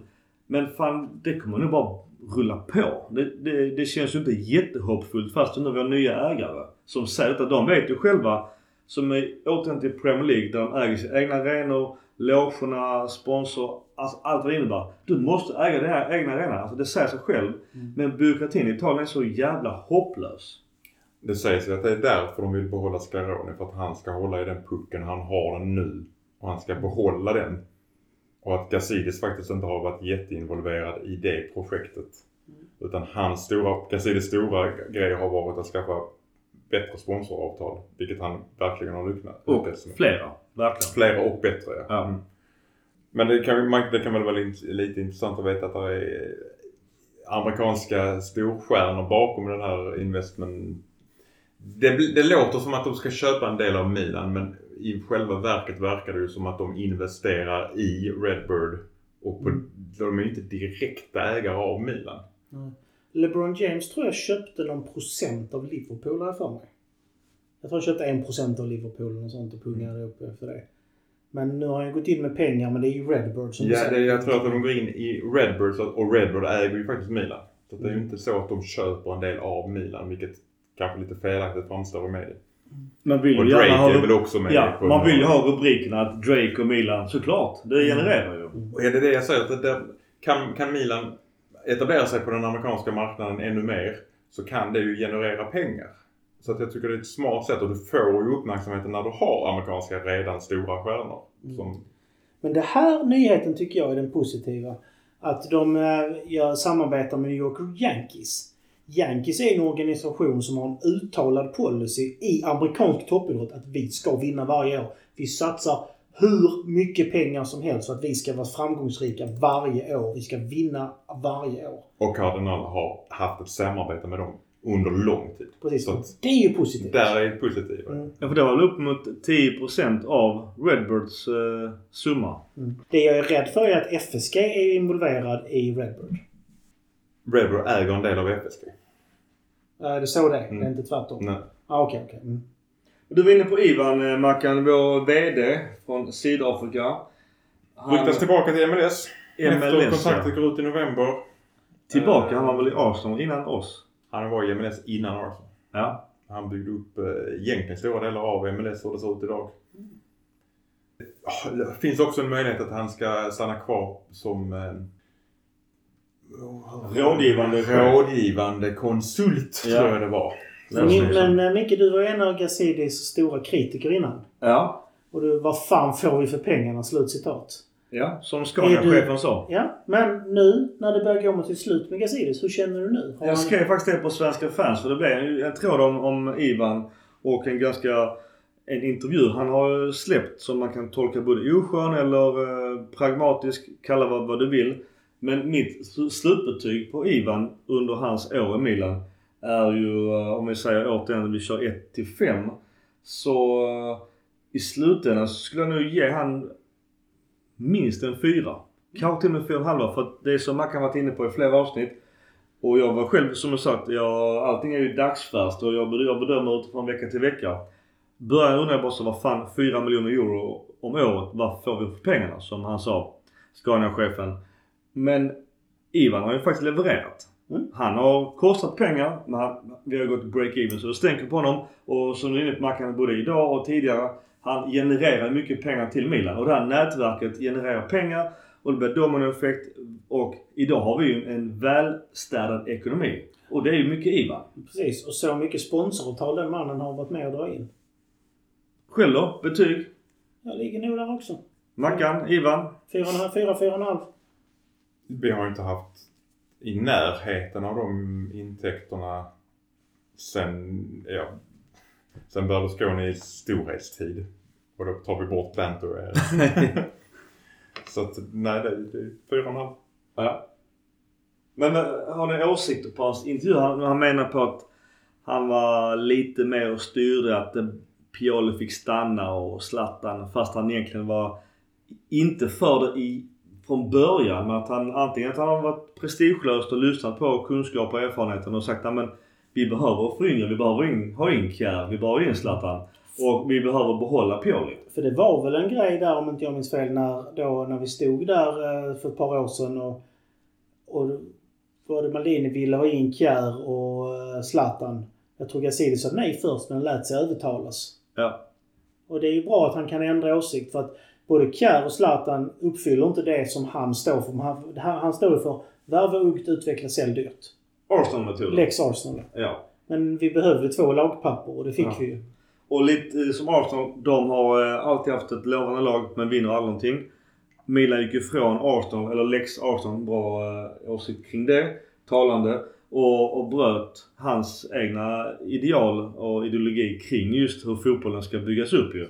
Och lyfter Kjär och eh, Zlatan som enormt bra exempel. Och vi får ju vara evigt tacksamma att han faktiskt ändrade sig för annars hade vi suttit fast med Romagnoli Musacchio fortfarande. Eller, eller en halv säsong till. Ja, och vem fan varit anfallare? Det är ju... Ja. Ja. Mackan, vad säger du om eh, alltså annars Ivans avskedsintervju eller? Ja men alltså det är klart att han hade ett finger med i spelet att Pioli blev förlängd. Hade han sagt nej till Pioli så kan jag garantera att Elliot hade lyssnat på honom. Mm. Och då hade vi inte haft Maldini kvar, då hade vi inte haft Massara kvar. Nej. Så att Givetvis har han haft en agenda men det som hedrar honom är att han kanske har ändrat den för vi vet ju inte exakt vad det är som har hänt. På tal om ändra, hans i så fall stora fläck på solen är just kanske Boban-gate, Rangnick. Det är lätt att säga idag efterklokt att Rangnick var en, en förlorarbana. Eh, vi valde Pioli och nu blev det vad det blev. Men Ragnhild-spåret var ju där faktiskt långt tidigare. Mm. Det var ju snack om det redan, jag vet inte om ni kommer ihåg det, men redan innan vi valde Jim Powell. Ja, det var det faktiskt. Och att Pioli kom in, det var ju egentligen en nödlösning för att vi sparkade Jim Powell. Han var väl fjärde, femte val tror jag till och med. Ja, så att, du ska inte ha en plan A i det läget. Då är, att tycker jag hade varit dum i huvudet. För där Mm. ska han ha en plan A. Sen hedrar det honom att han lyckades bli- förändra det. Och se att, han, att Pioli var det rätta. Sen det här med Bobban. No offense, men Bobban får, gjorde bort sig. Man kan inte gå ut så som han gör. Det är ju därför han fick gå också. Jag tror ingen ville bli av med Bobban. Jag tror inte Bobban ville lämna. Men när han gör ett sånt jäkla klavertramp som han gjorde. Han var en av de första som gratulerade Milan till guldet i maj. Men, men jag kan tycka att jag saknar Bobans kompetens. Och han var, hade ju en uppsatt roll i Uefa som vi pratade om det nu länge sedan. Och jag, jag menar på att jag tror hans kompetens hade vi haft nytta av även idag. Och vi kan ha haft Olmo etc. i Milan till exempel. Men som du är inne på. De klavertrampen kan du inte göra. Du kan ju inte säga till din chef att han är dum i huvudet. Då åker du ut. Sen är det ju som så att om Gazidi nu lämnar i november så kan, kanske Bobban kan komma tillbaka. Och vi kan säga så här att hade det varit ett stort problem hade inte Maldini varit kvar. Nej. Vi vet alla att Maldini är en sån som står för sitt ord. Hade han tyckt det var något som var ett stort problem för honom hade inte han varit kvar. Han behöver, Maldini behöver inga pengar. Nej. Maldini är faktiskt en väldigt förmögen man. Han har gjort otroliga vinster på fastighetsaffärer i USA. Han spelar inte fotboll gratis heller. Nej, så att du vet, han, behöver, han gör ju inte detta för att han ska behålla sin livsstil på något sätt. Nej. Det är som Breitweit. Är miljardär på allt annat än fotbollen. Mm. Fy fan vilken vuxenmobbing han åkte på i Barcelona. Fredrik Ljungberg tjänar mer pengar på sitt Calvin Klein-avtal än han gjorde under, som fotbollsspelare. Så att... Det, det är inte första gången det händer. Ja, men det är ju samma Zlatan och allt. Ja, egentligen alla de här stora. Allt från då vi pratar Drake. Nu är inte Drake min musik för fem jävla öre. Men om han på något sätt kan synas i någon, tänk en musikvideo med Milan-tröja. Jag menar hur mycket kommer den sälja? Alltså det var ju, vi har pratat om auktioner tidigare med spelare och vad, vad den, vissa går för. Nu verkar Kettler ligga överst på auktionslistan. Men tänk er sen en video med Drake i Milan-tröja. Bara om det handlar om två sekunder. Jävlar vilket lyft det kommer bli. Sen, sen är det ju det, om vi går tillbaks till Bobban där alltså. Eh, ett Färjestad har ju en policy att man ska värna om sina kulturbärare säger man. Och att då få tillbaka en Bobban när det har lugnat ner sig, det ger ett enormt lyft. Milan har ju en förmåga att, ta hand om sina för gamla spelare. Jag ser inte något annorlunda med Bobban. Det kanske finns någon roll för honom lite längre fram när allt har lugnat ner sig. Grollet är borta och, då, och de, det som bråket har varit. Så att, Han har ju en, en inside i, i den eh, östeuropeiska fotbollen så att han har ju, kan säkert hitta bra pärlor där så att vi inte bara letar i Frankrike. Ja. ja. Nu är det mycket Belgien och Frankrike. Ja, nu har vi faktiskt värvat från Tyskland också. Ja. Bra övergång. Vi glider över på transfer och sista delen.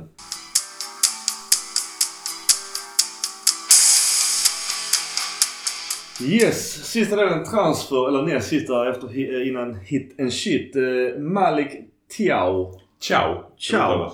Tydligen. Okej, är Han han... är ciao. Är, han är ju tysk men jag för- någon sa att han var halvfinne.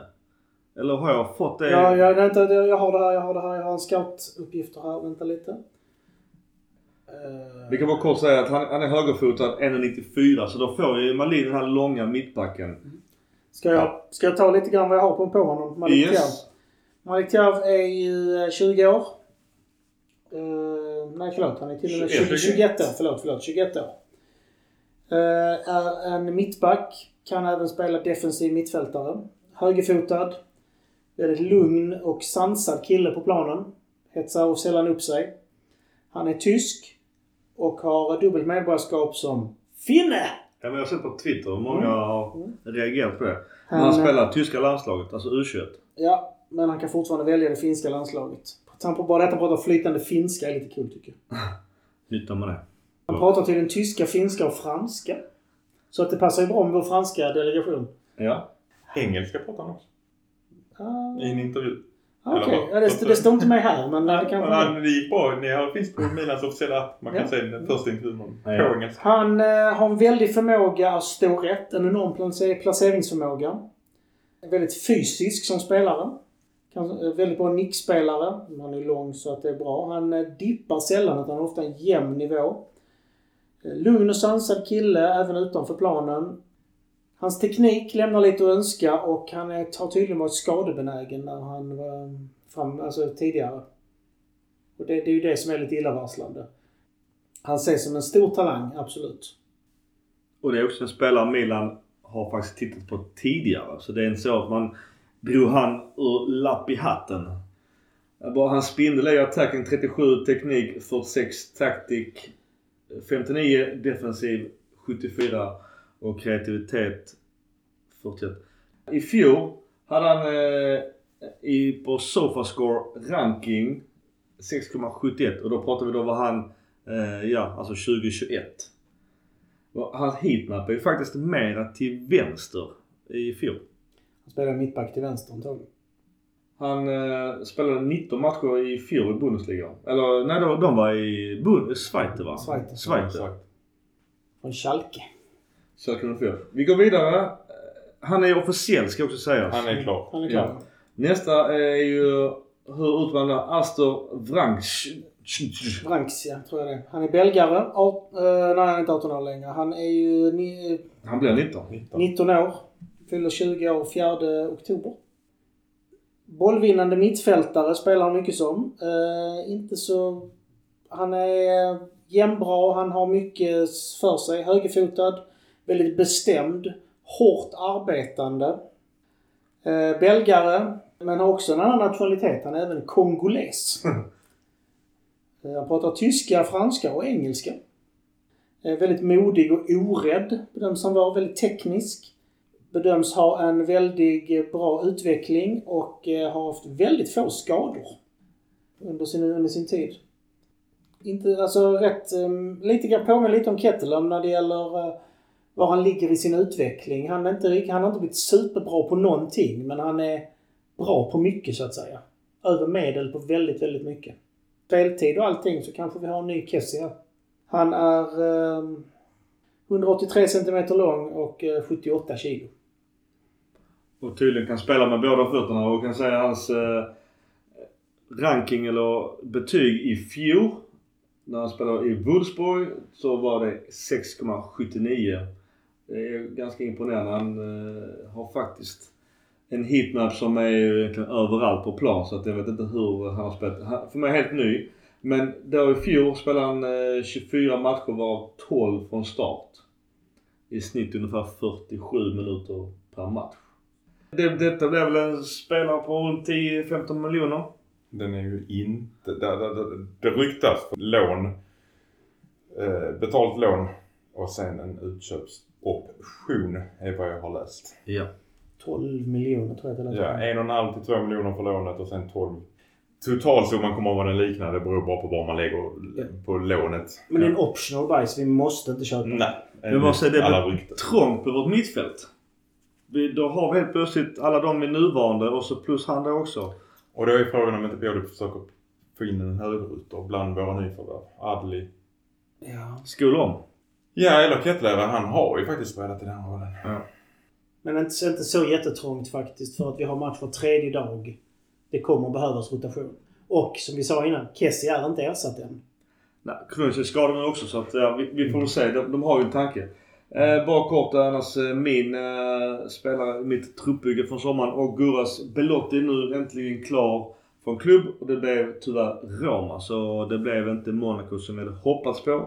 Om nu inte han gick till Milan. Ja, Jag hoppas på Milan. Dels Milan-fan och dels en bra anfallare. Ja, allround. Mm. Men det är, ja. Tyvärr. Frågan om man får startspelare där. Nej, men backup. Han kommer vara en backup. Ja, det är det jag menar på. Han kan backa på Milan måste också. gå först där. Ja. Tammy Abraham, du har uh, Dybala. De har ju inget dåligt anfall, offensivt spel nu. Milan då har ju fått Florenzi skadad. Eh, vår spelare med dyrast kontrakt i klubben nu är det väl. Nu när Zlatan har gått ner. Och då är det är Alvaro Ordizola från eh, Real Madrid. Det är bara rykte. Eh, man kan ha något nytt transfer update här nu i sista timmarna. Nej, det är väl, Inget om jag det är väl Dest egentligen som ska vara en eh, ersättare till Florenzi. Han, han beskrivs som en dyrare version av Kronic. Kronic. Han kan spela på alla positioner. Ja, ja, Alltså det jag har sett av Dest i Barca tycker jag han är alltså, snabb och duktig. Jag tror att eh, skulle Milan få Dest så tror jag att eh, de har han som eh, högerytter. Ja, men det känner jag också. Det är nog ingen omöjlighet. Mm. Inte högerback. Nej, så han, är, Att han kan vikari- vikariera på den positionen. han, kan, han har ju spelat som både höger, höger, högerback, vänsterback, vänster mittfält, vänster offensiv mittfältare och höger offensiv mittfältare. Och nu ser jag inte jättemycket på Barca. Det är mitt lag i Spanien som jag mycket håller såklart högre än Real Madrid.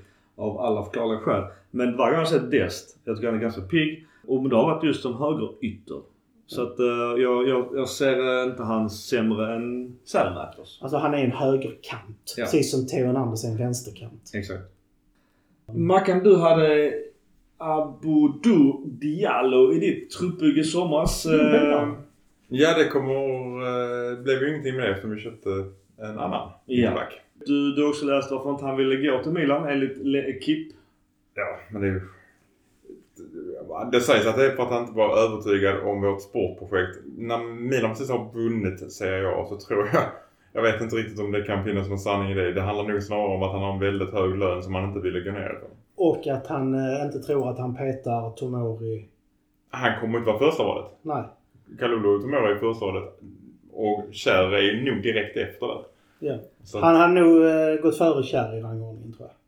Jag tror inte Milan har velat det. Alltså, men skitsamma nu verkar han klar för Bundesliga. Något lag jag läste någonting om. Vi nuddade kort innan. Eh, vi kan ta lite mer detalj nu i vår gamla kompis, faktiskt som Leonardo tog till oss i Lukas Paketa. Går till Hammers. Stora summor och du sa West sist Ham man för de som inte kan engelska slangnamnen. Ja, West Ham Hammers. The Bubble Boys. Du pratar om 10-15% man kan efter en summa och... Alltså 15% är där. En, den har dessutom eh, Lyon eh, bekräftat att den finns. Är inte Men det, det är på vinsten? Nej, det är på övergångssumman. Men inte bonusarna. Nej. Ja. I detta fallet, totalsummorna ligger på över 60 miljoner euro. Mm. Men jag tror att övergångssumman hamnar någonting på runt 40 så det kan bli en 5-6 miljoner till Milan. Men det är väl... Han var ju en klassisk sån spelare som kastades in, skulle rädda Milan utan att ha någon tid att acklimatisera sig. Kom från en lång säsong i Brasilien och skulle styra upp hela Milan. Och det var ju en dyr värvning. Mm. Det var ju 40 miljoner om jag inte minns fel. 38. Ja, Så för det, är- enligt eh, Transfermarkt så är det 43 plus då 18 som du var inne på. Det är mycket bonusar tyvärr. När vi var tvungna att göra oss av med honom för att få in lite cash så var det ju skitbra att vi fick in den här klausulen. Men de här bonusarna, när de betalas ut, har vi inte procent på dem också? Jag tror att det bara var i kontraktet att det var på övergångssumman. bonus. Men alltså att ta honom nu hade ju varit guld. Ja, om det sa vi ju även i fjol. Vi gick ju break-even på försäljningen för att eh, för att jämna böckerna. Så nu blir det i alla fall ett plus på honom. Så det är alltid något. Och eh, pengar in till eh, killen från Wolfsburg misstänker jag. Vad tror vi om honom i West Ham? Alla förutsättningar att lyckas. Jag kan inte se... Han och Skamacka kommer nog ha ett härligt radarpar. Jag vet, är det inte blivit mycket kladd på bollen för bland klipp till Premier League då? Han har spelat i Frankrike. Jag kan säga då som jag hörde någon säga att jag, jag är mer rädd att gå ut... Fotboll så. Jag är mer rädd att gå ut på planen i Serie A än vad jag, är, än vad jag var när jag gick ut i Premier League.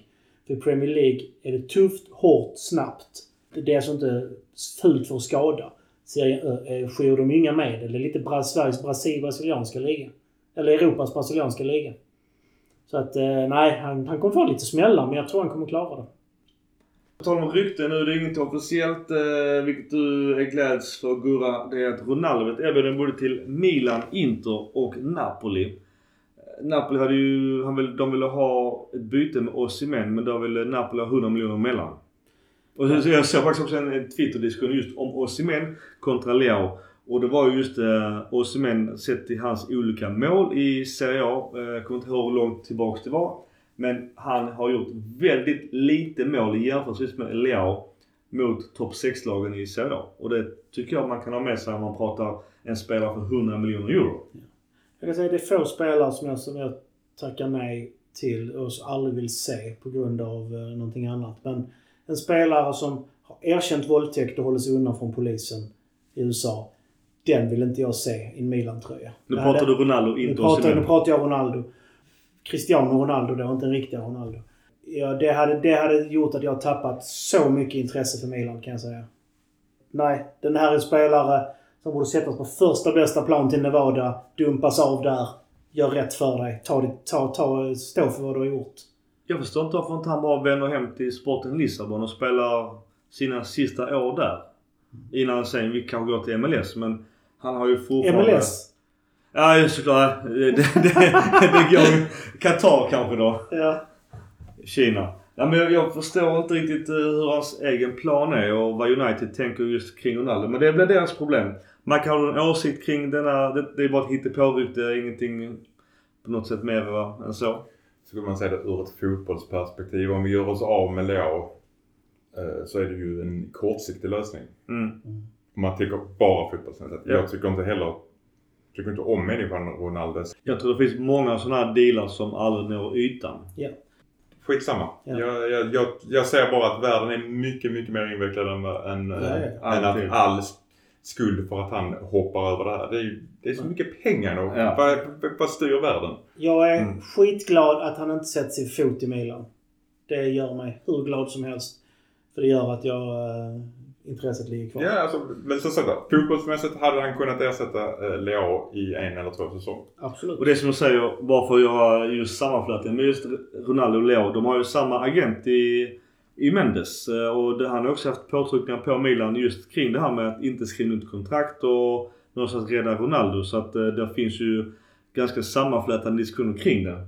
Där är ju ett lönetak i Milan. Ja. Sen säger vi inte mer. Nej. Rent logiskt så faller på sin egen logik. Kort också officiellt det är till Milan då att vi har gjort klart med en eh, Giancarlo Simic i, till vårt Primavera. En stor stark eh, mittback som kostar 200 000 euro. Eller 200 000 euro ja. Mm.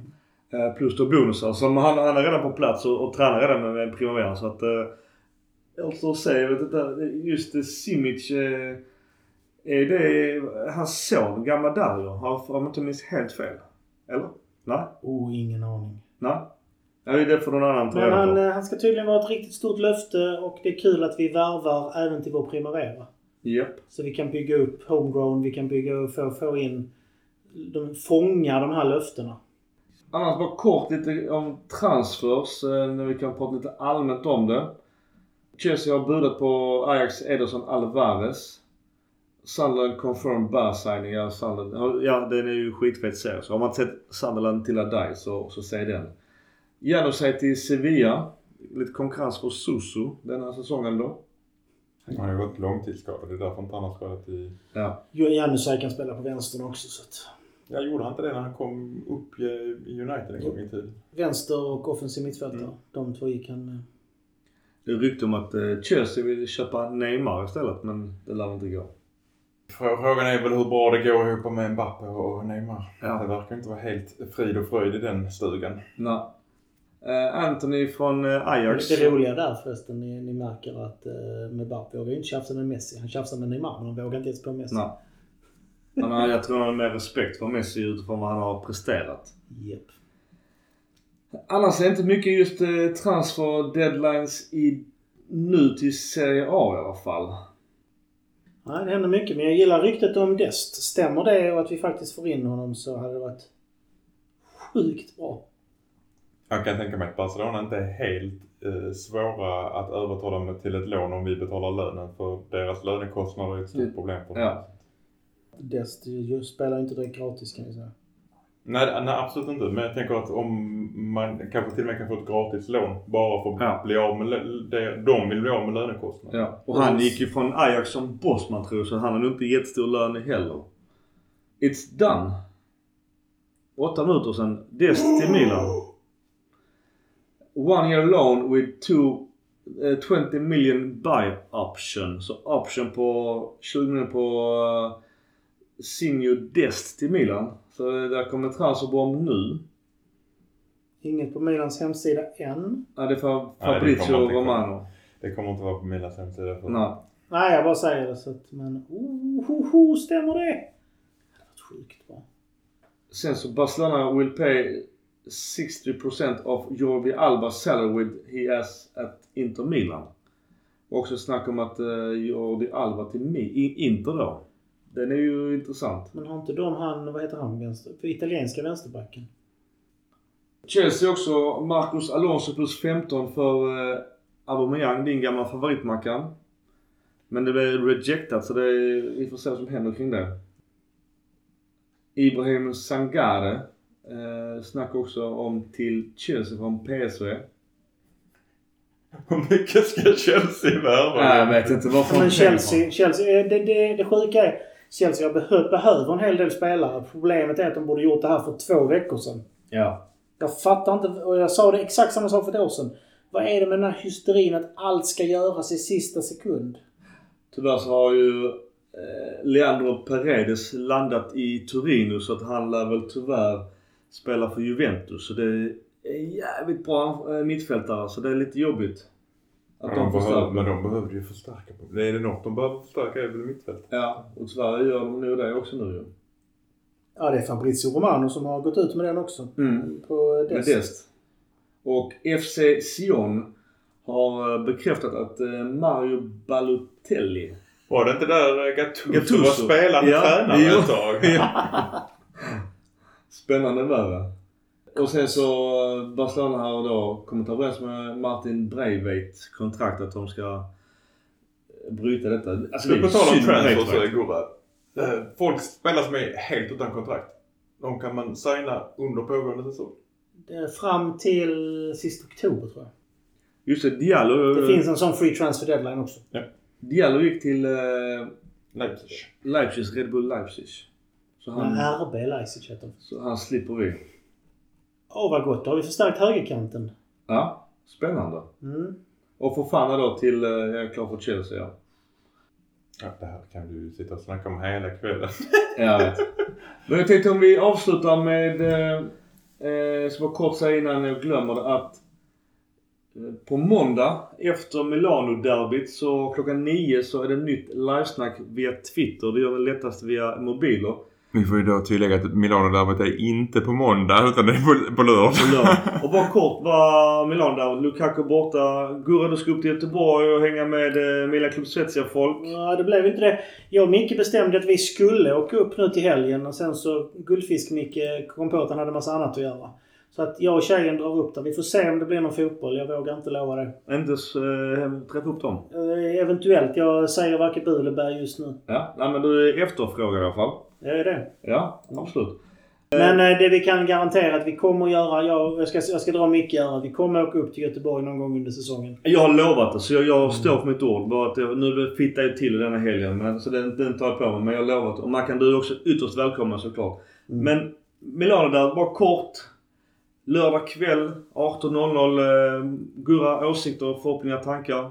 Kan vi visa upp det spel som vi faktiskt har haft i perioder så... Um jag är inte säker på att vi är där än, men eh, det kan... Jag tror inte vi förlorar den. Du blir förvånad. Men eh, jag tror mer att det blir oavgjort. 0-0, 1-1, 2-2, något sånt.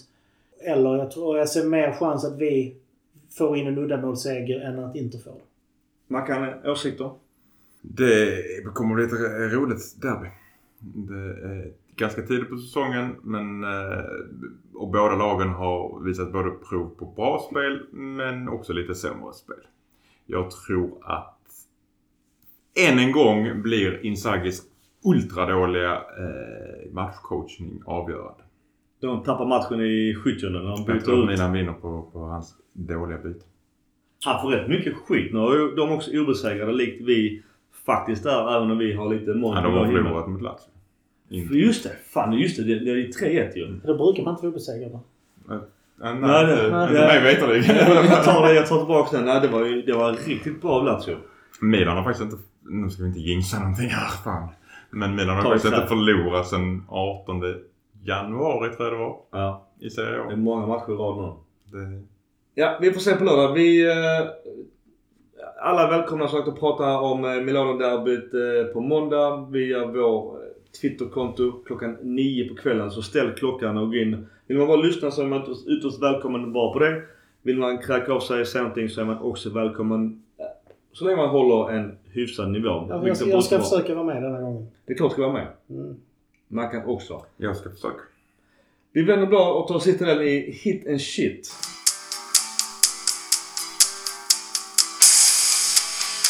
Och jag kan börja. Nu kom det ju en eh, ryckande nyhet att han med Dest, nu är det ingen storvärvning. Men jag tycker det är positivt. Jag, jag tror fortfarande att han är bättre än både Messias och eh, Selmakos. Jag kanske får äta orden. Och positivt är också att eh, vi är fortsatt eh, obesegrade i ligan och eh, det känns som vi är ganska skadefria till derbyt. Eh, minussidan är ju att eh, jag tycker att eh, spelare som jag hade förväntat mig mer på att eh, skulle, har inte presterat så som man ville. Jag tycker att vår trupp är bred och bra men ändå tunn om man förstår vad jag försöker säga. Att det vill säga när vi byter in våra spelare bakom så är det inte, så är det en tydlig kvalitetsdipp och det tycker jag är oroväckande. Ja, positivt att vi helt plötsligt har en högerytter, höger, alltså ny högerback. Det känns jättebra. Ja, Florenz är ju skadad så det är ju helt avgörande. Ja, eh, men jag hoppas att det inte bara är därför att de faktiskt vill förstärka högerkanten. För man må, vilken idiot som helst inser ju att eh, våra högeryttrar är för dåliga. Messias, Selmakers är för dåliga. Jag tycker vi har gjort ändå bra värvningar. Det har inte varit de stora namnen som vi har pratat om och som i princip var klara med Bottman, med Renato Sanchez och så vidare. Men det har ändå varit kloka värvningar. Det jag är lite rädd för med Tiao och Arx där är att det är värvningar som kommer vara, och även eh, Kettelen, även om det är en klockren värvning. Frågan är om de, om de når upp till den nivån som behövs detta året. Eller om de egentligen spelar för nästa säsong. Men det är positivt transferfönstret i min sammanfattning. Shitten är att eh, vi inte kom till vår rätt mot framförallt Sassuolo. Eh, och eh, Diaz är för dålig. Det är bara att konstatera. Även om man glänser till någon enstaka match så börjar det bli dags. Antingen sätta ut honom på en högerytter eller motsvarande eller bänka honom. Shit, eh, poängtapp i matcher som jag tycker vi bör kunna vinna. Jag håller med dig Micke. Atalanta tyckte vi var mycket bättre än Atalanta. Vi borde ha vunnit den. Eh, Sassuolo tycker jag inte vi är värda att vinna. Men jag tycker att vi borde ha vunnit den för att vi hade...